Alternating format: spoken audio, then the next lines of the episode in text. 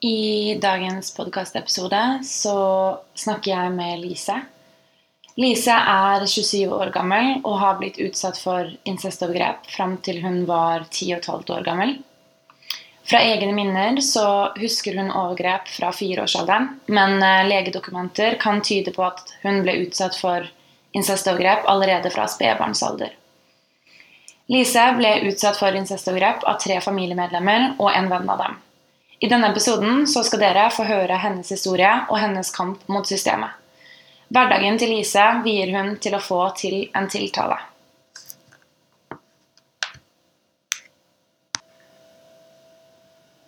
Da kan jo du begynne å fortelle oss litt om hvem du er. Ja. Eh, Jeg heter eh, Lise, er eh, 27 år og eh, bor kvarter utenfor Oslo. Ehm, ja. Um, jeg har jo ikke noe utdanning eller noe annet enn videregående. Der stoppa det opp, egentlig. Ehm, og gjør vel egentlig ikke så veldig mye annet enn å eh, jobbe med, med saken min, da. Det er Mhm. vel egentlig det jeg brenner for. Det er det, jeg- det jeg Fyller dagene Mm. Mhm. Ja. Mhm. Og da vil jo jeg veldig gjerne at du skal fortelle oss om historien din og hva som er den saken du jobber med hver eneste dag. Mm. Um, jeg opplevde overgrep fra tre familiemedlemmer og en kompis av dem. eh, fra jeg var Ifølge jeg, altså med egne minner fra jeg var eh, fire til jeg var ti og et halvt. Ehm, det var eh, ganske grove overgrep.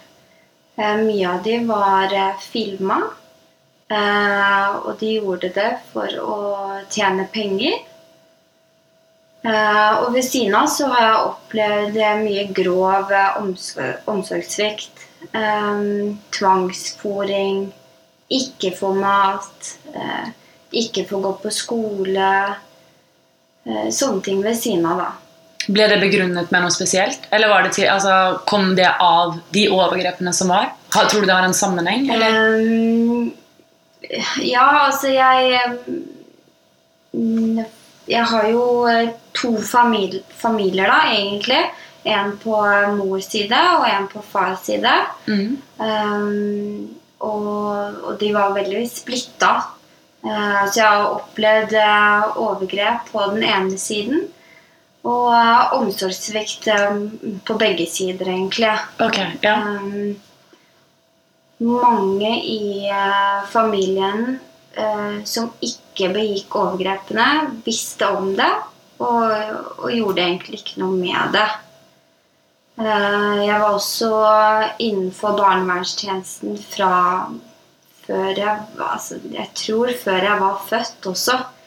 Eh, for min mor var akkurat fylt 15 år når, eh, når hun fødte meg. Oi, ja. Eh, og min far var også veldig ung. Han var vel eh, 16 år, tror jeg. Mm. Um, ja. Ehm, har du lyst til å si noe om hvordan overgrepene, eller du husker at overgrepene startet? Ja, eh, hvordan de startet, var vel eh,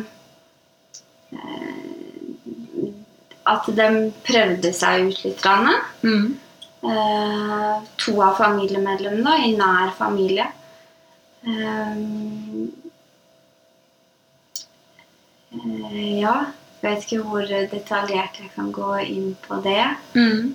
Um, hvor detaljert du tenker Men var det, tenker du eh, Var det stort sett når du skulle legge deg til å sove, eller kunne det være midt på dagen, eller var det Ja, noen spesielle settinger? ja, nei, nå bodde jeg jo ikke med overgriperne hele tiden. Mhm. Eh, Det var bare i perioder i løpet fra jeg var fire til jeg fylte ti, ti og et halvt. da. Mm. Um, Noen ganger så bodde jeg hos den andre familien der det ikke var overgrep, og andre ganger så det kunne gå fra flere ganger om dagen til at det gikk et halvt år imellom. Ja. Eh, Så det er, men det er jo så klart eh, noen årsdeler av livet som jeg husker der det er mye overgrep om, Mm. omtrent hele tiden. da. Men visste den andre familien om overgrepene også? Ja. Hva tenker du om at de ikke har gjort noe med det?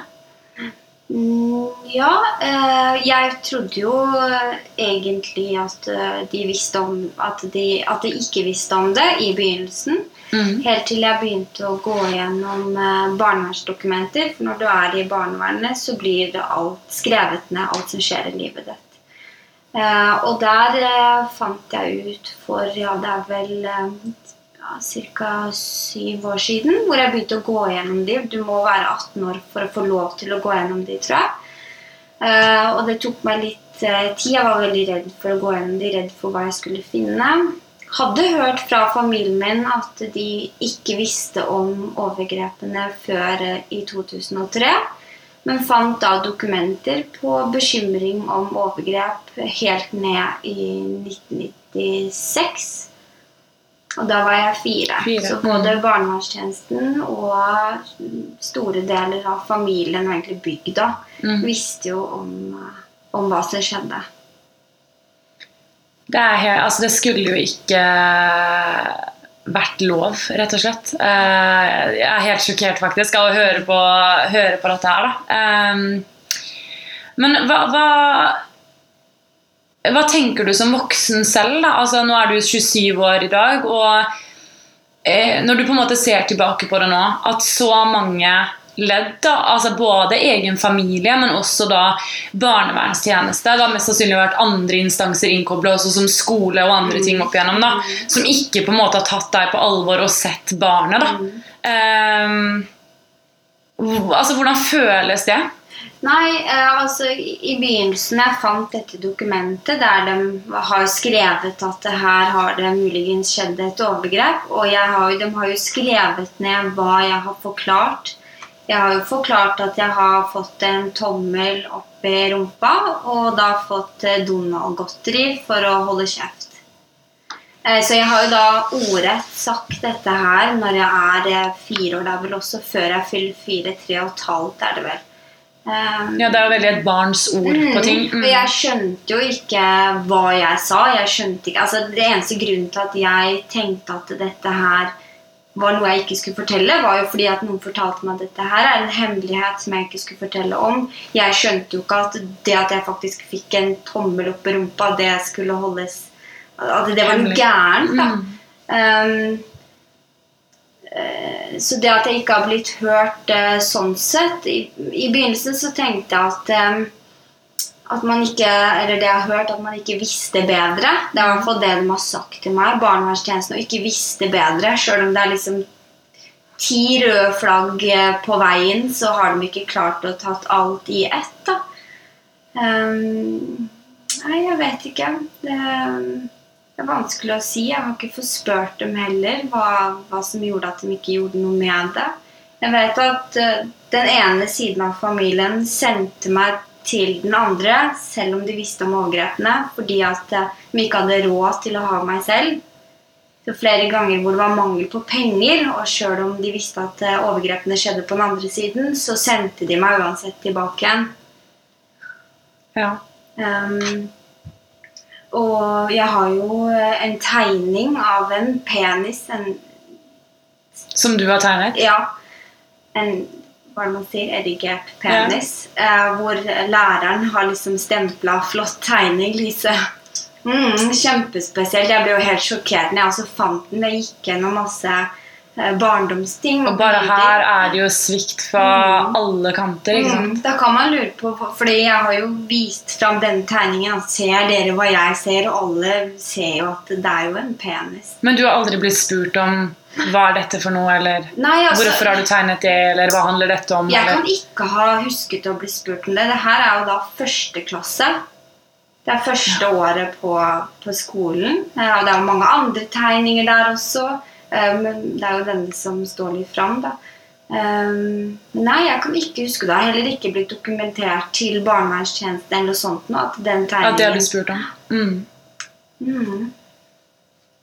Det viser så utrolig mye, syns jeg, da, at eh, det går an å se forbi at et barn på fem-seks år tegner noe sånt. Eh, Men det er jo også veldig typiske ting da, eh, som går igjen i mange mange i hvert fall jeg har snakket med, at det er spesielt tegninger som folk har sett i ettertid, Ja. som de har tegnet når de har vært barn, Ja. som aldri har blitt spurt om, og da som er gjerne tegninger av både utførelse av overgrep, faktisk, men også gjerne da kjønnsorganer og nakne kropper og monstre. Og, eh, og da også som jeg har sagt sånn Oi, så fint, så flink du har vært å tegne i dag. Og ikke stilt noen spørsmål til hva handler dette om. da. Mm. Det er jo en barns måte å snakke på, egentlig. Absolutt, det er det det er. Mm. Men eh, fra du var ti og et halvt, hvordan har livet ditt vært da? Um, ja. Um, overgrepene stoppa jo fordi det kom fram til politiet. Mm -hmm. Det skulle jo egentlig komme fram tidligere, men det gjorde det jo ikke. Um, og jeg var også sendt på samvær uh, til disse menneskene etter at politiet fikk anmeldelsen tilsendt til seg selv. Ja. Um, noe som også er ganske spesielt i saken. At. At, at jeg ble sendt bort. Jeg ble sendt bort på en hel sommerferie. Um, der det også var andre barn. Um, og ble jo da, når jeg kom eh, tilbake igjen fra sommerferie, uh, tatt inn i tre avhør. Mm. Um, hvor første avhøret så nevnte jeg ingenting. ingenting. Uh, jeg var ganske smart eh, som barn. Jeg hadde også sett mye på TV-en. Eh, jeg skjønte at eh, dette her er politiet, og jeg måtte forsikre meg om at jeg kunne stole på dem. Mm. Eh, for her skulle jeg jo fortelle noe jeg absolutt ikke egentlig burde fortelle. Eh, jeg hadde blitt fortalt av overgrep, overgreperne at hvis jeg fortalte om det her, så kom de til å drepe meg og de menneskene jeg var glad i. Um, Og det også gjør jo at et barn Ja. er jo redd og holder jo, mm. holder jo munnen, sant? mm. Um, så mm, første avhøret gikk jo egentlig ut på at jeg um, fikk titte inn på rommet hvor jeg skulle sitte, hvem jeg skulle prate med. Jeg fikk prøvesitte i politibilen. Det var på en måte mine krav til Her måtte jeg må stole på dem først.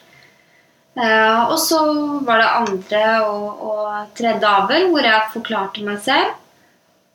Um, det, det, altså, det gikk vel egentlig greit. Jeg tror ikke jeg helt skjønte hva som foregikk, egentlig. Mm. Jeg tror ikke jeg helt skjønte alvoret i hva jeg fortalte i det hele tatt.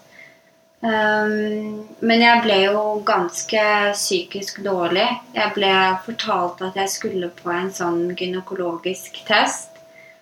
Og de jeg bodde hos i familien min, um, klarte ikke å forklare til meg at eh, dette her skulle vært gjort av leger. Så jeg ble jo forklart at det her skulle være det samme som eh, overgriperen gjorde. Så jeg trodde jo faktisk at jeg ble sendt til et sykehus for å oppleve et nytt overgrep. Så jeg ble jo kjempe, kjempedårlig. Eh, Jeg ventet også, jeg tror det var over et halvt år på den undersøkelsen. Som egentlig ikke gir noe mening, fordi eh, en sånn undersøkelse skal jo skje i få uker. Ja, egentlig helst med en gang. Mm. Så den var jo eh, i og for seg egentlig bortkasta. Um, og så tok det jo litt tid, da. Um, da var jeg såpass ung at jeg skulle jo ikke i noe rettssal eller, noe, eller forklare meg noe mer. Eh, det visste jo ikke jeg. Det var ingen som forklarte meg at nå har du forklart deg til politiet, og nå er du ferdig, og du er trygg. Eh, jeg fikk heller forklart at um, en av overgriperne han satt eh, allerede i fengsel for noe annet. Og jeg fikk til og med forklart at han skulle slippe ut mens jeg forklarte meg. Så Ja. mellom andre og tredje avhør så begynte jo jeg å trekke meg tilbake og hadde ikke så veldig lyst til å prate mer. Um, og um, etter at jeg gjentatte ganger prøver å snakke med de jeg bor hos, og, og barnevernet at nå er jeg redd Jeg hadde en 40 minutter å gå til skolen. Og der har jo disse overgreperne og andre familiemedlemmer bare plukka meg opp tidligere uten å snakke med noen eller uten å snakke med skolen. Egentlig da kidnappa meg, da. Ja. Så jeg var jo veldig redd for at eh, det skulle skje. Eh, Og til slutt så trakk jeg forklaringa mi, rett og slett. Etter å ha sagt ifra sånn fire ganger. Hvor gammel var du da? Husker du det? Da var jeg eh, rett før jeg fyller elleve år. Ja. Da trakk jeg meg. Og det var pga. redsel og fordi du ikke Redsel, orka mer, rett og slett? Jeg vet at det ble søkt om eh, taxi til skolen, og da fikk jeg avslag. Og det, altså Grunnen til at jeg var redd, var jo fordi at det var 40 minutter å gå til skolen. Eh, Jeg fikk ikke penger til å ta buss eller noe sånt nå. Og veien min til skolen, det, er liksom, det var jo jorder på hver sin side. Så jeg, hadde, altså jeg begynte å tenke ikke sant, hvor kan jeg gjemme meg bak et tre. Det var ikke noe tre der. Og til slutt så bare ga jeg opp. Da orka jeg ikke mer. Selvfølgelig. Mm. Og når var det du på en måte for alvor bestemte deg for at eh, dette her må jeg på en måte gjøre noe med, da, og bestemte deg for å ta deg selv på alvor da, og få, få den saken her opp igjen? Altså, Hva var vendepunktet her? på en måte? Mm, ja, det var vel da jeg begynte å lese i disse barnevernsdokumentene at uh, ting som uh, Altså at ting var litt annerledes enn det jeg trodde. Jeg husker jo at, jeg har trukket forklaringen min, men eh, i ettertid så skjønner jeg jo ikke hvorfor saken skulle blitt henlagt av den grunn, for jeg hadde jo forklart meg ferdig. Det er jo også ganske spesielt at man eh, velger å henlegge en sak som et barn under, altså under ti år da, sitter og forklarer, og så eh, skal en tiåring bestemme om den saken skal bli tatt opp eller ikke. Det syns jeg i seg selv er ekstremt sinnssykt, for å være helt ærlig. Og det er ganske spesielt, for jeg mener du husker at tiltalen lå på 21 år. Så Ja. det var sterke nok bevis til det. Um, men den gikk helt opp til Riksadvokaten, og Riksadvokaten valgte da å, å henlegge det. Og det jeg har lest i senere tid, er at den er henlagt på bevisets stilling. Så når jeg ble eldre og, og kunne lese og forstå disse tingene, så lurte jeg veldig på bevisets stilling. Ok, hadde vi ikke nok bevis, da? Og da sa barnevernstjenesten til meg at eh, ja, nei, det var jo ikke noe å finne på denne gynekologiske undersøkelsen. Og jeg trodde jo på det i mange år, helt til jeg snakket med politiet selv. Og de sa at det her handlet jo ikke om den gynekologiske testen. De hadde jo ikke regnet med å finne noe der i så lang tid uansett. Mm. Men, eh, men at eh, jeg trakk meg. Og hadde det her skjedd i dag, så hadde de ikke henlagt det, sier de. Men det var det som skjedde da. De snakker om det som det skulle vært 100 år siden. ikke sant? I gamle Hvilket dager. årstall var det det ble henlagt? I av begynnelsen av 2005, jeg tror januar 2005. Som hadde jo brukt ganske lang tid, da. Absolutt. Mm. Bare det er jo en ganske stor påkjenning for et barn. Eh, og det at de også på en måte vet at du bor i den samme familien da, og har de samme personene og traumene. da. Um, Ja, og, og mens eh, avhørene pågikk, så ble jeg jo forklart at eh, av andre familiemedlemmer at eh, det som kommer til å skje med overgriperne, er at de kommer til å bli forgrepet på i fengsel. Og det gjorde jo meg veldig lei meg. Fordi jeg, jo jeg så jo på disse menneskene som syke. Ikke som om de hadde gjort noe gærent, for det hadde jeg ikke noe særlig forståelse for. Jeg var sikker på at de hadde en eller annen sykdom, og at de måtte få hjelp Mm. så det at de skulle havne i fengsel og, og, og bli voldtatt, var liksom helt Det, det gjorde Det også er jo litt av et ansvar å legge på et Ja. barns eh, skuldre. Um, Men det skjønte ikke de rundt meg. De, de var veldig åpne med meg. De sa jo også Ja, hva gjør du når de, når de kommer ut av fengsel? For de kommer jo ut en dag, og de kommer jo til å finne deg. Så de, de hjalp jo ikke til da, å betrygge meg. Um. absolutt ikke. Men um, hva er det som har gjort til at du på en måte tør nå, da? Uh, ja, nei, det var vel det når jeg begynte å gå gjennom disse dokumentene. hvor Jeg, jeg var jo fortsatt litt usikker på hvordan alt hadde skjedd i saken, siden jeg var såpass liten. Um, men jeg fikk vel bekrefta fra flere advokater jeg snakka med, at her har ikke politiet gjort jobben sin. Og da bestemte jeg meg bare for at det her må jeg få gjort noe med. Eh, og fordi at eh, flere av disse overgriperne har fått barn i senere tid. Ja. Flere barn, da. Så, og det er jo på en måte min største bekymring. At politi, De skal gjøre det mot flere? Ja. Mm. Det skjer jo i ganske mange saker der det går 10-15 år, og eh, vedkommende blir anmeldt på nytt igjen, da. Absolutt. Mm. Men ehm, i denne saken med, med politiet nå hvordan står, hvordan står saken din per i dag? Mm, ja, det er litt vanskelig å gå veldig mye inn på det. Mm. Eh, men eh, jeg jobber veldig ræva av meg for å, for å forhåpentligvis få en, få en tiltale, da. Mm. Eh, men det er, det er vanskelig, for nå Men hvordan påvirker det her dagene dine? Altså, Jeg har jo selv vært i en rettssak, og det krever virkelig masse. Og det samme gjør jo ventetiden. Eh, Det er kanskje den verste. Ehm, Ja, når jeg begynte å gå gjennom disse dokumentene for syv-åtte år siden, så fikk jeg jo panikkavfall. mm. Og dette hadde jeg hatt da jeg var liten òg, men jeg huska ikke noe særlig av det. egentlig. Jeg begynte å gå til eh, psykolog, og fikk da generalisert angst og panikkanfall som diagnose. Mm. Og ved siden av alt jeg har hatt eh, posttraumatisk stressyndrom. Um, så det, det kjenner jeg jo på. Jeg har jo også veldig mye dissosiasjon. Jeg kjenner ikke deler av venstrekroppen. Den faller ut. Um, så um, det påvirker jo alt, egentlig. Alt fra mareritt til flashbacks. Jeg hadde mer flashbacks da jeg var liten, men mareritt har jeg vel omtrent hver eneste natt. Mm. Eh, Det kommer jeg vel egentlig ikke bort fra. Mm, Jeg går jo nå til psykolog igjen. Jeg har gått til psykolog jeg tror fire ganger fra jeg var liten. Eh, Og da fått eh, kompleks PTSD. Det vil jo da si at du Flere av de tingene du sliter med, vil du da mest sannsynlig ha i ganske mange år, for nå sitter det jo på en måte i Det blir forankra. Ja, alt, da, ja. absolutt. Ehm, ja.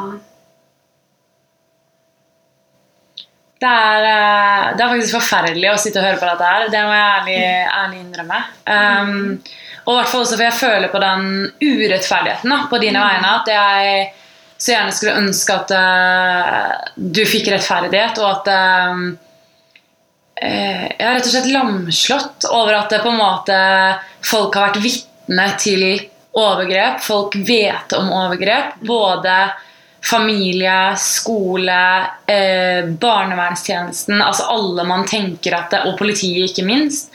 Alle de man tenker at liksom skal redde verden, på en måte. da eh, De har på en måte sviktet så totalt. da Mm. Um, men jeg lurer liksom litt på hvordan uh, altså, hvor, hvor, Hvordan klarer du på en måte å være deg? Altså, sånn, sånn som når jeg ser deg nå, Du er jo en flott jente, og uh, så sterk virker det som. Altså, hvor kommer på en måte denne uh, sterke og sterke jenta fram, da, på en måte? Ja, og det er jo mange som spør meg ofte hvorfor jeg, jeg er ikke så flink til å gråte eller være lei meg eller sinna uh, over det som har skjedd, og, og kan lett egentlig snakke om alt det jeg har opplevd, Mhm. uh, uten at eh, noen trenger å se på at det påvirker meg eller noe sånt noe. Men um, det også mest sannsynlig er jo også ofte en sånn em, forsvarsmekanisme, kanskje, som man uh, skrur litt på. For det merker jeg jo selv også, at uh, jeg er veldig flink til å ta på den, men så blir jeg jo veldig veldig sliten etterpå. Etter jeg har snakket om ja, ting. Eller, absolutt. absolutt. mm, Uh, Men jeg fikk en, en diagnose som heter dissosiativ følelsesløshet og sanseutfall. mm, Og det, hva skal jeg si, det redder meg litt ut fra at jeg slipper å føle på ting. Jeg er også veldig flink til å si Lise fire år er ikke Lise sju-syv. Så jeg deler meg, splitter meg litt fra det som har skjedd, rett Mm. og slett. Um, tror du det også kanskje er litt redningen? ja, absolutt. Det er det. Det, det hjelper ofte. Men det er, Mm. også, er jo også et, et problem, da. Mm. som man må på en måte ordne opp i med, med psykologer og med, med hjelp. Ja. Mm. For det er jo sunt å, å gråte òg. Absolutt. Mm. Det å både vise følelser og kunne klare å sette ord på de og mm. eh, kunne anerkjenne de, at man virkelig på en måte føler de, det, eh, det er kanskje det skumleste jeg har gjort oppi min, eh, min bearbeidelse. Eh, og det som også veldig ofte går igjen med de jeg snakker med, da, at man man klarer ikke å assosiere seg selv med følelsene, men det tror jeg også ofte er fordi du sitter jo med følelsene til et lite barn inni kroppen, eh, og så skal du samtidig være voksen og fornuftig, og så har du egentlig lyst til å være fem år igjen sant? og stå og skrike og rope. Og, så følelsene henger jo på en måte ikke overens med det mentale og det som samfunnet forventer av deg. Mm. Og så må man rett og slett bli litt sånn ja, Eller man blir det eh, når man har snakka mye med advokater og politiet. Så må man være litt streng, fordi at dem, altså spesielt politiet, kan utnytte det litt. At du er sårbar. Så man må, bli sånn- man må sette ned foten og rett og slett bli litt sånn hardbarka. Men hvordan syns du du har blitt mottatt der? Altså, hvordan synes du, sånn som nå i senere tid, da, når du er voksen, og du, eh, hvordan ser du på en måte på politiet sin jobb nå, og advokatene sin jobb nå? Um, jeg har jo hatt eh, flere advokater, og det er vel fordi at eh, jeg har, by bytta selv, valgt å bytte. Eh, fordi advokater ofte er litt sånn at de gjør ikke noe før tiltalen først ligger der. Så klart det er jo sikkert noen som gjør noe, men, men når det kommer til det at hvis man får en henleggelse, da, så er det også mange advokater som bare godtar det. Og velger å ikke klage det videre til statsadvokaten og riksadvokaten. Um, og når det kommer til politiet um, Da jeg var liten, så gikk det veldig fint. Da fikk jeg en hyggelig dame å, å snakke med, og det, det gikk helt greit. Um, når jeg har snakka med politiet i senere tid, så har det jo vært Jeg har jo snakka med flere. Um, jeg husker det var én eh, i begynnelsen, når jeg begynte å ta opp dette her igjen, Ja. som sa til meg på telefonen at eh, du er helt sikker på at dette her er sant.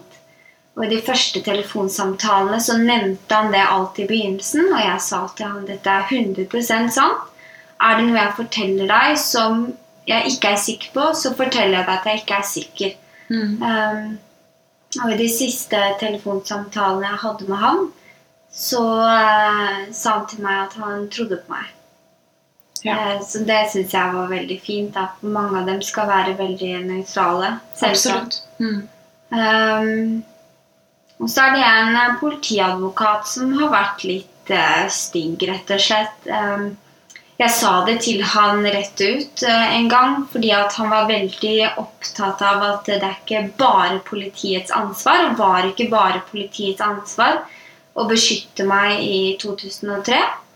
Eh, beskytte meg på skoleveien, eh, beskytte meg ved at jeg ikke ble sendt vekk på sommerferie med en overgriper. Eh, Det var også overgriperens ansvar å ikke forgripe seg på meg, sa han. Det var familien min sitt ansvar å, å passe på meg. Det var barnevernet sitt ansvar å, å gjøre ditt og datten. Um, han nevnte aldri hva hans eget ansvar var. Um, Bare skyld, altså putta det på andre, putta, rett og slett. putta det på alle andre. Mm. Um, og så sa jeg det vel rett ut en gang at eh, det var vel ikke mitt ansvar som tiåring å beskytte meg selv.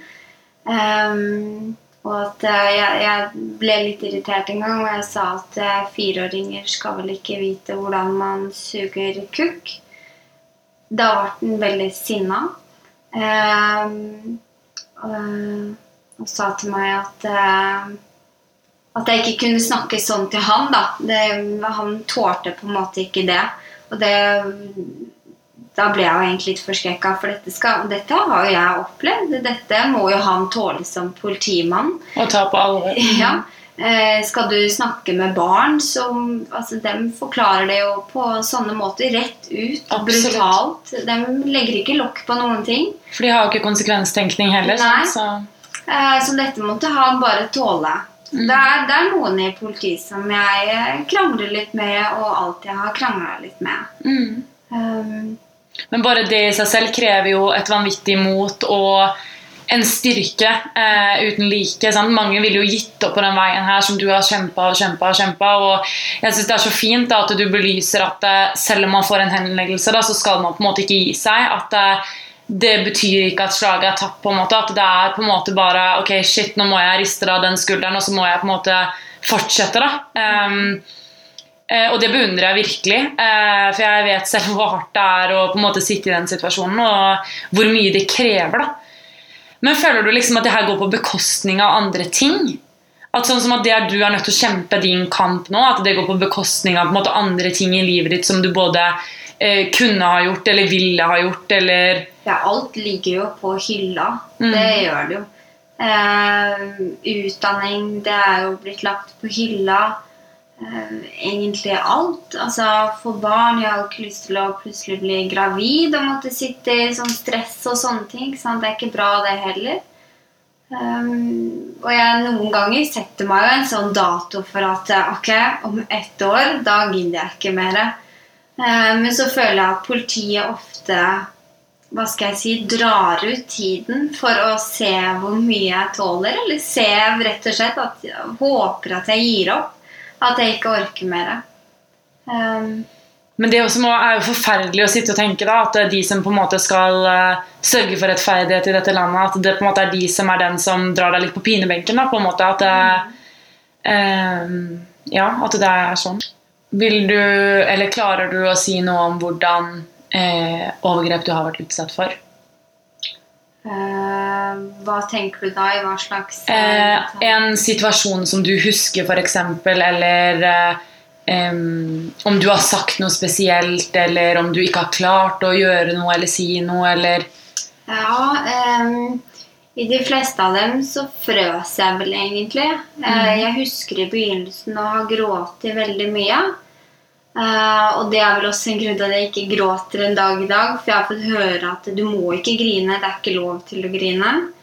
Jeg fikk jo også høre det av den andre siden av familien, om at eh, du skal ikke gråte. Jeg gråt jo veldig mye etterpå, for jeg hadde veldig vondt i tissen. Det var veldig sårt. Eh, Å dusje var jo helt forferdelig.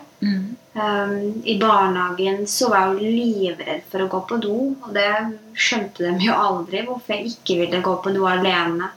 Jeg synes det er så viktig at du sier dette her, for jeg håper at både skole og barnehage kan begynne å ta litt mer ansvar da, og- og stille liksom de ubehagelige spørsmålene. og faktisk, Som du sier, da er det bare noen som ikke klarer å gå på do. liksom, At det skal stilles spørsmålstegn ved det. Det er ikke normal atferd hos et barn. på en måte. Og nå kan du jo egentlig google deg fram til hva slags symptomer det er på barn i alle aldre. aldersgrupper. Mm. Eh, Det kunne de vel egentlig ikke da, men her hadde de jo allerede en bekymring for overgrep. Pluss at jeg da, etter å ha kommet fra disse menneskene eh, som hadde begått eh, overgrep, eh, ikke tør å gå på do i 14 dager etterpå, eller klarer å tisse på meg i 14 dager i strekk. At de ikke klarte å samle to og to sammen, eh, det er jo Men Hadde du noen gang fysiske, altså synlige merker og sånn? Um, under den Jeg var på en gynekologisk undersøkelse når jeg var fire, og da mente de at jeg var altfor vid. Ja.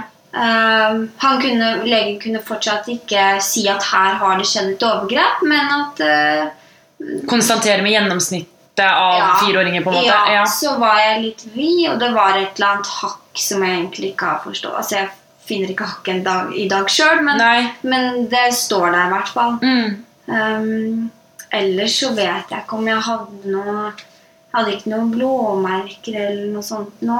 Overgrepene var ikke veldig var ikke veldig voldelige. Disse menneskene sto meg jo nær, så jeg gjorde jo det jeg ble bedt om å gjøre. Mm. Eh, men jeg ble også dopa ned en del ganger. Eh, og det Jeg skjønte ikke det i begynnelsen. Ehm, jeg tror jeg skjønte det når jeg var typ åtte år gammel. Vet du Eh, hva du ble dopet ned med? Ja, altså jeg har jo forklart mye av det til politiet, og da har de jo nevnt at det er det som heter GHB. Ja. Um, men sånn jeg husker det selv, er Jeg fanga forskjellen på når jeg var hos den ene siden av familien. Fordi eh, når du var liten, så husker du sikkert å ha fått sånn fluortablett. Ja. Og den smakte som regel banan, og så hadde den et smiletegn på seg, tror jeg. Eh, og jeg husker jeg står og pusser tenna der på den siden av familien hvor jeg ikke med overgrep. Hvor jeg liksom Jøss, den smakte jo ikke så godt sist gang. Og da begynte jeg å skjønne at på den andre siden av familien Så har du fått noe annet. Mm. Og da begynte jeg å fange opp ganske raskt at jøss, jeg ble jo litt sånn svimmel og begynte å liksom se litt rare ting og sånne ting. Um, og til slutt så ble jeg jo Jo eldre jeg ble, da, så begynte jeg å planlegge også når jeg skulle blande safta mi, at jeg blanda den sjøl. Passa Ja. på at ingen blanda den for meg. Um, rota litt gjennom maten for at det ikke skulle være noen piller der. og sånne ting. Så jeg, jeg begynte å bli liksom Noen ganger kalte jeg meg selv i senere tid da, som MacGyver-unge som prøvde å finne ut av alt. da. Mm.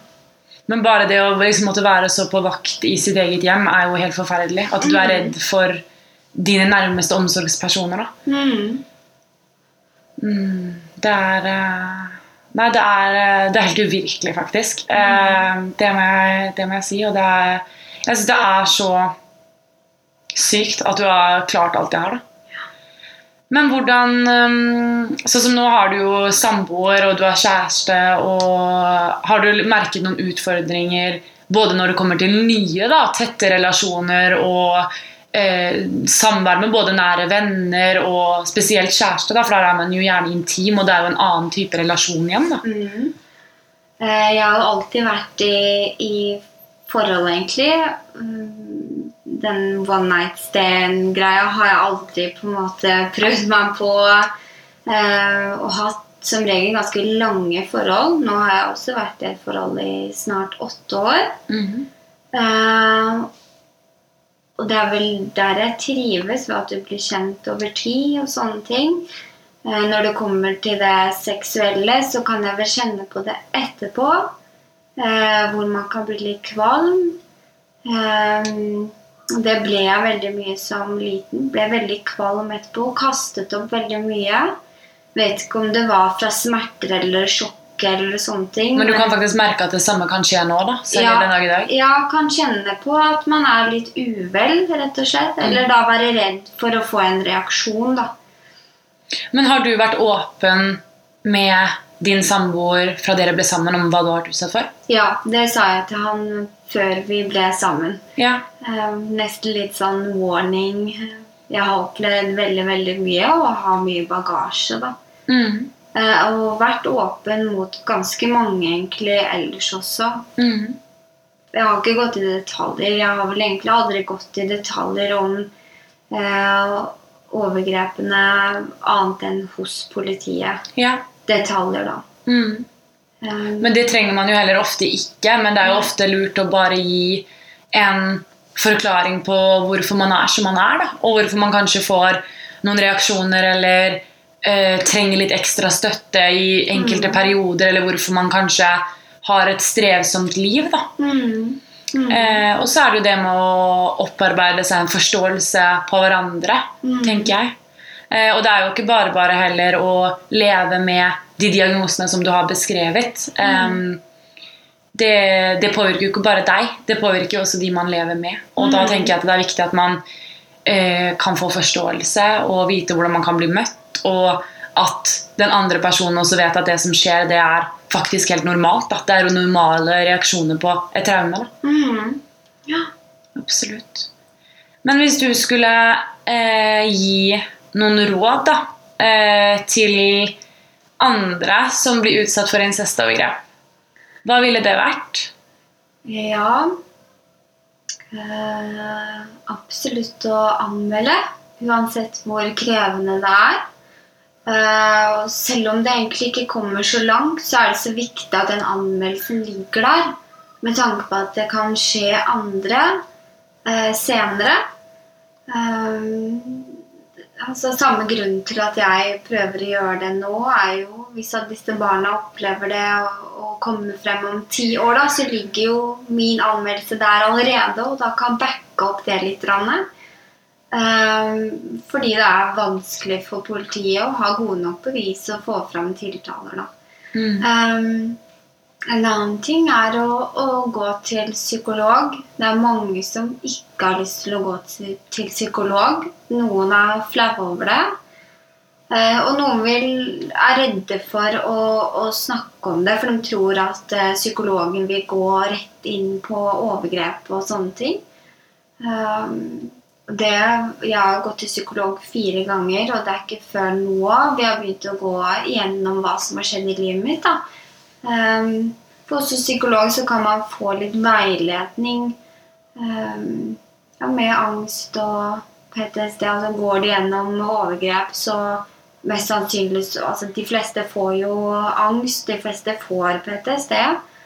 Um, jeg tror også det er viktig å heller sette grenser for hva man ønsker å snakke om. At, ja, man kan gjøre det selv. Mm. Mm, absolutt mange ganger er man ikke klar for det, så er jo som regel alle psykologer som jeg har gått til det, vært helt enige med at det trenger man ikke. Mm. Og heller da veiledet meg med, med, angsten, fordi altså jeg har jo vært redd for de dummeste ting bare for å gå på bussen. Mm.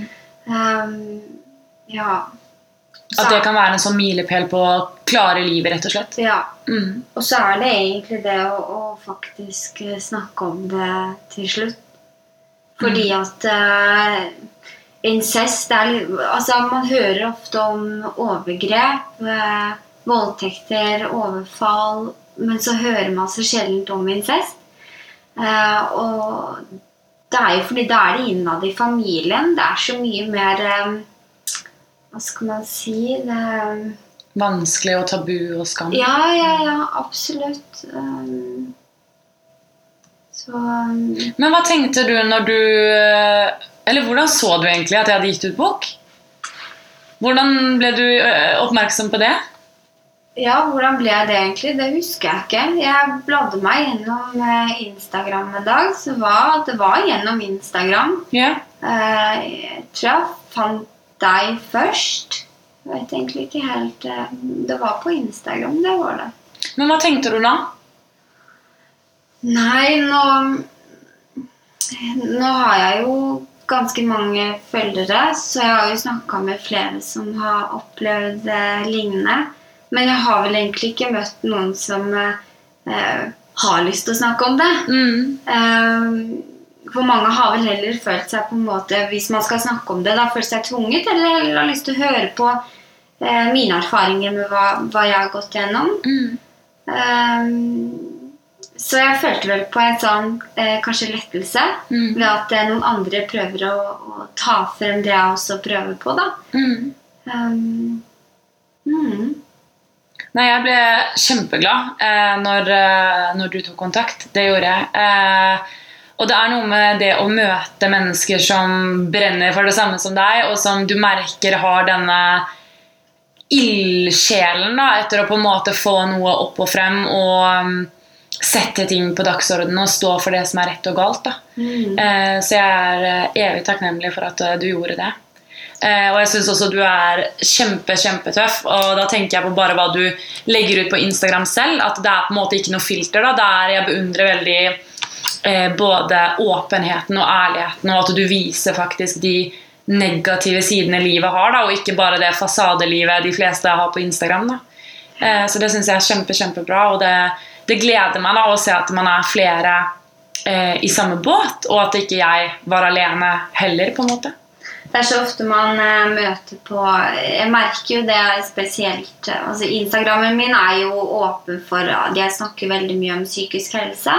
Og det er jo som regel de som følger meg, eh, de som sliter selv. Mm. Og så merker jeg jo på Facebook, eller hvis jeg deler noe sånn som jeg har delt også på Snapchat min, denne boka med den tegningen, da, mm. så er det jo faktisk folk som har sagt til meg at dette her vil de jo ikke se på. Og de som skriver det, kan også være mødre. Og da tenker jeg at dette her må du faktisk tåle å se på. Mm. Eh, Men det blir jeg møtt av ganske mange, faktisk. Og mange ja, også slektninger. Det kommer vel ikke som noe sjokk, men eh, ellers eh, rundt meg som ikke har lyst til å høre på det jeg har lyst til å fortelle. Jeg også opplevde faktisk når jeg var på en boksignering. Eh, og da var det en eh, Jeg vil tippe kanskje hun gikk i mellom sjette og åttende klasse. Som spurte moren sin For jeg hadde jo en svær sånn roll-up der hvor det var bilde av boken min, og så sto det jo liksom en bok om selvopplevde incestovergrep. da Så spurte hun liksom moren sin sånn Mamma, hva, hva er incest for noe? Så sier moren, og moren var egentlig en ung mor, altså jeg vil tippe kanskje midten av 30, egentlig rundt der, som på en måte da sa at nei, nei, nei, sånn snakker vi ikke om. Det, det skal ikke du vite hva er for noe. Og det også tenker jeg at det er jo en veldig spesiell måte Ja. å møte barna på. sant? At eh, man forteller ikke hva det, er, hva det er i det hele tatt. Og det også gjør jo at hvert fall, sånn som jeg selv, da, jeg visste jo ikke hva jeg var utsatt for. Jeg fant en halvdårlig side på Google, og så tenkte jeg at oi, shit, det her er jo meg, liksom. Eh, og det var sånn jeg fant ut at liksom, hva det het. da, hva jeg var, For jeg trodde jo det var helt normalt. Jeg trodde jo alle andre opplevde akkurat det samme som meg. Um, og det også viser jo litt hvor tilpasningsdyktige barn er. Og det er det jeg også hører på når du forteller at det, du visste jo på en måte ikke bedre. altså Dette var din hverdag. Dette var normalt for deg. da. Ja, jeg fikk høre at dette skjedde i alle familier. Ja. Eh, Så det var egentlig jeg helt sikker på, helt til jeg var en åtte år. Da begynte jeg å skjønne at dette her er ikke greit. Mm. Men opplevde du at eh, overgrepene fikk eh, en annen art etter hvert som du ble eldre? på en måte? Altså Ble de noe eh, voldeligere eller eh, annerledes på en måte på noe vis? Jeg merka stor forskjell på når jeg opplevde overgrep fra en av dem, enn når alle fire var til stede. Så alle fire var til stede på én og Ja. samme tid? Mm, det, det var ganske brutalt. Eh, og jeg husker jo at enda flere er til stede, men de husker jeg ikke ansikter på. Mm. Eh, Jeg vet ikke om jeg har vært i sjokk, men under filming og sånn, så hadde de opp eh, lys også. Det var jo ganske staged, som, som en hel scene. Så når alle var til stede, så var det veldig mye Jeg var veldig forvirra, veldig redd.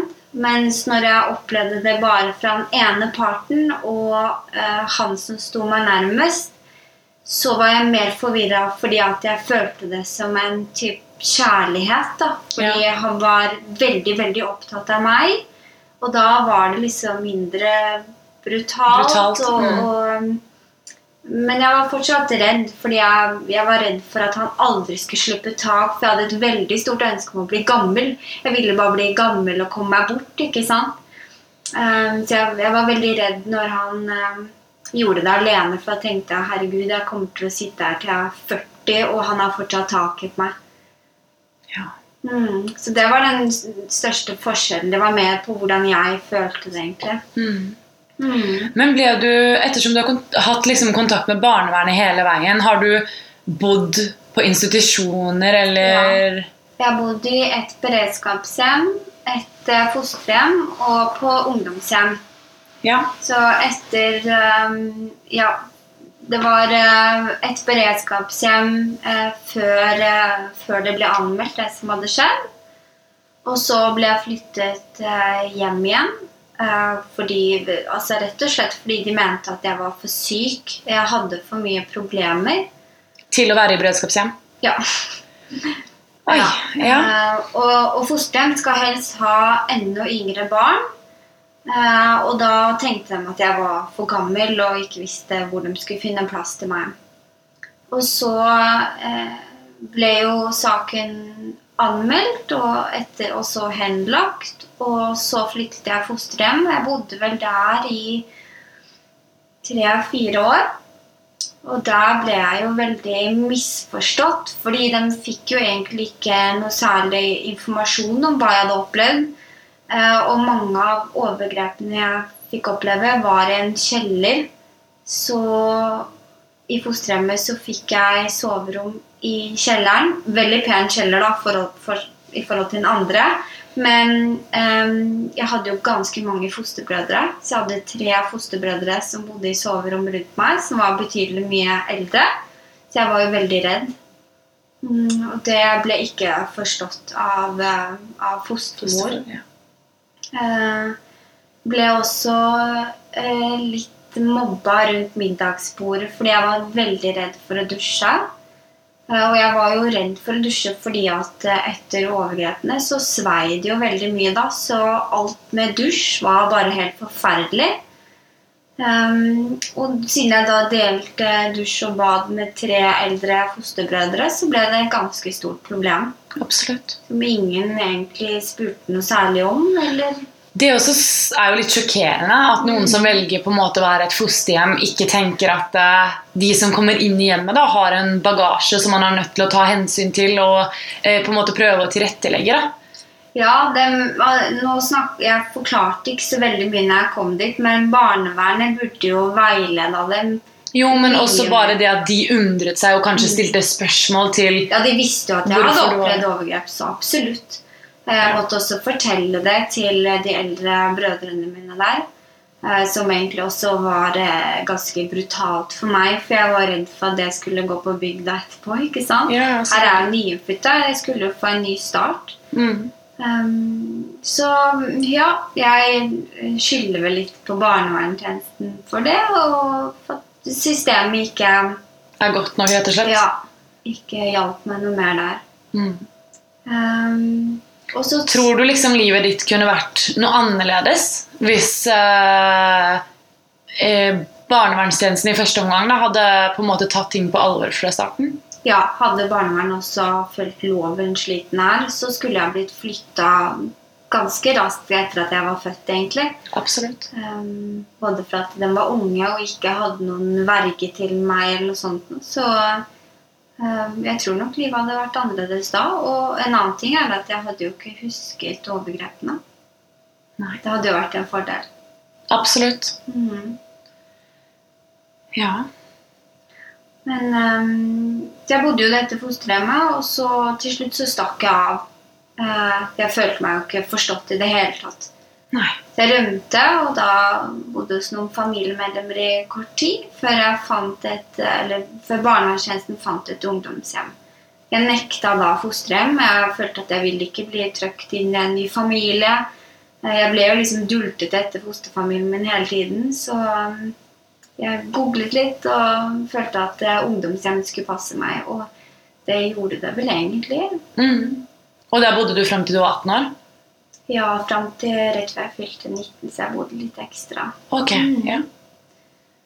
Ungdomshjem er jo brutalt, men eh, det passa meg bedre. Jeg Mm. fikk eh, passe på meg sjøl, og du har eh, voksne som er innom og lager middag og passer på at du har det greit. Og, Absolutt. ja. Men, og da følte du på en måte at du ble ivaretatt litt grann når de hørte på at du ble flytta, og at du fikk bestemme, da. At, uh, ja. mm. Mhm. Men i dag har du kontakt med noen i familien din eller noen av overgriperne? Ikke overgriperne. Det har jeg ikke hatt på ganske mange år. Eh, Jeg ser jo en av dem hvis jeg er i Oslo. Da kan jeg jo være uheldig nok. Mm.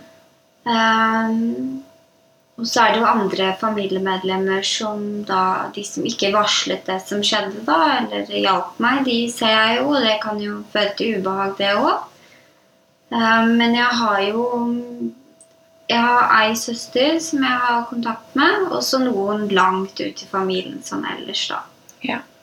Er det Opplever du å bli trodd av alle i familien din? Ehm, ja, jeg tror vel egentlig det. Um, både altså, Jeg ble vel egentlig trodd på når jeg var liten òg, når jeg sa ifra.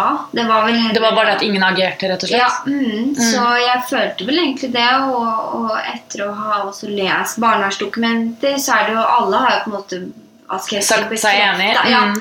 At det her har nok eh, Det har skjedd. Så Ja. det er vel egentlig ingen som aldri har trodd på meg. Det er det ikke. Nei. Det er det mer når jeg var eh, 16-17 år og fortalte det til en venninne hvor jeg kanskje ikke har blitt trodd på sånne ting. da. Ja. Det har jo skjedd. ja.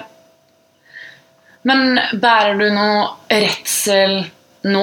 Er det noe du går rundt og er redd for nå? Annet enn det du beskrev i stad, hvis du kan møte på de, eller Men jeg tenker med tanke på saken du kjemper for, og hvis dette faktisk blir sak, da. Tror Ja. du Ja? Absolutt. Uh, sikkert. Uh, altså Tre av overgriperne, de som er i nær familie, da, de eh, De er jeg vel egentlig alltid, alltid redd for, tror jeg. Jeg er jo den som ja, Når jeg låser meg inn i leiligheten, at jeg lytter at ingen er der. Mm. Sånne ting. Det gjør jeg alt. Se meg over skulderen. Det er jo et slitsomt liv. Absolutt. Mm, Det er det. absolutt. Er det noe annet du har lyst til å legge til eller fortelle? Nei, det er vel egentlig ikke det. Jeg vet ikke. Det er, man må bare ikke gi opp, tror jeg. Mm. Ja. Det syns jeg er veldig bra sagt. Eh, og jeg er i hvert fall veldig glad for at eh, du ikke gjør det, og at du fortsetter å kjempe selv om ting er hardt. Eh, og det skal du ha all, um, all ære for. Eh, og så vil jeg bare si tusen takk for at du ville fortelle din historie. Mm, Um, tusen takk for at jeg fikk eh, komme. Mm, Og så ønsker jeg deg masse masse lykke til med saken. Og jeg eh, håper jo at vi har kontakt fremover og kan fortsette og det gode arbeidet vi gjør sammen. da. Em, og så oppfordrer jeg også alle som har hørt på podkasten i dag, til å uh, følge Lise på Instagram uh, og følge hennes reise der videre.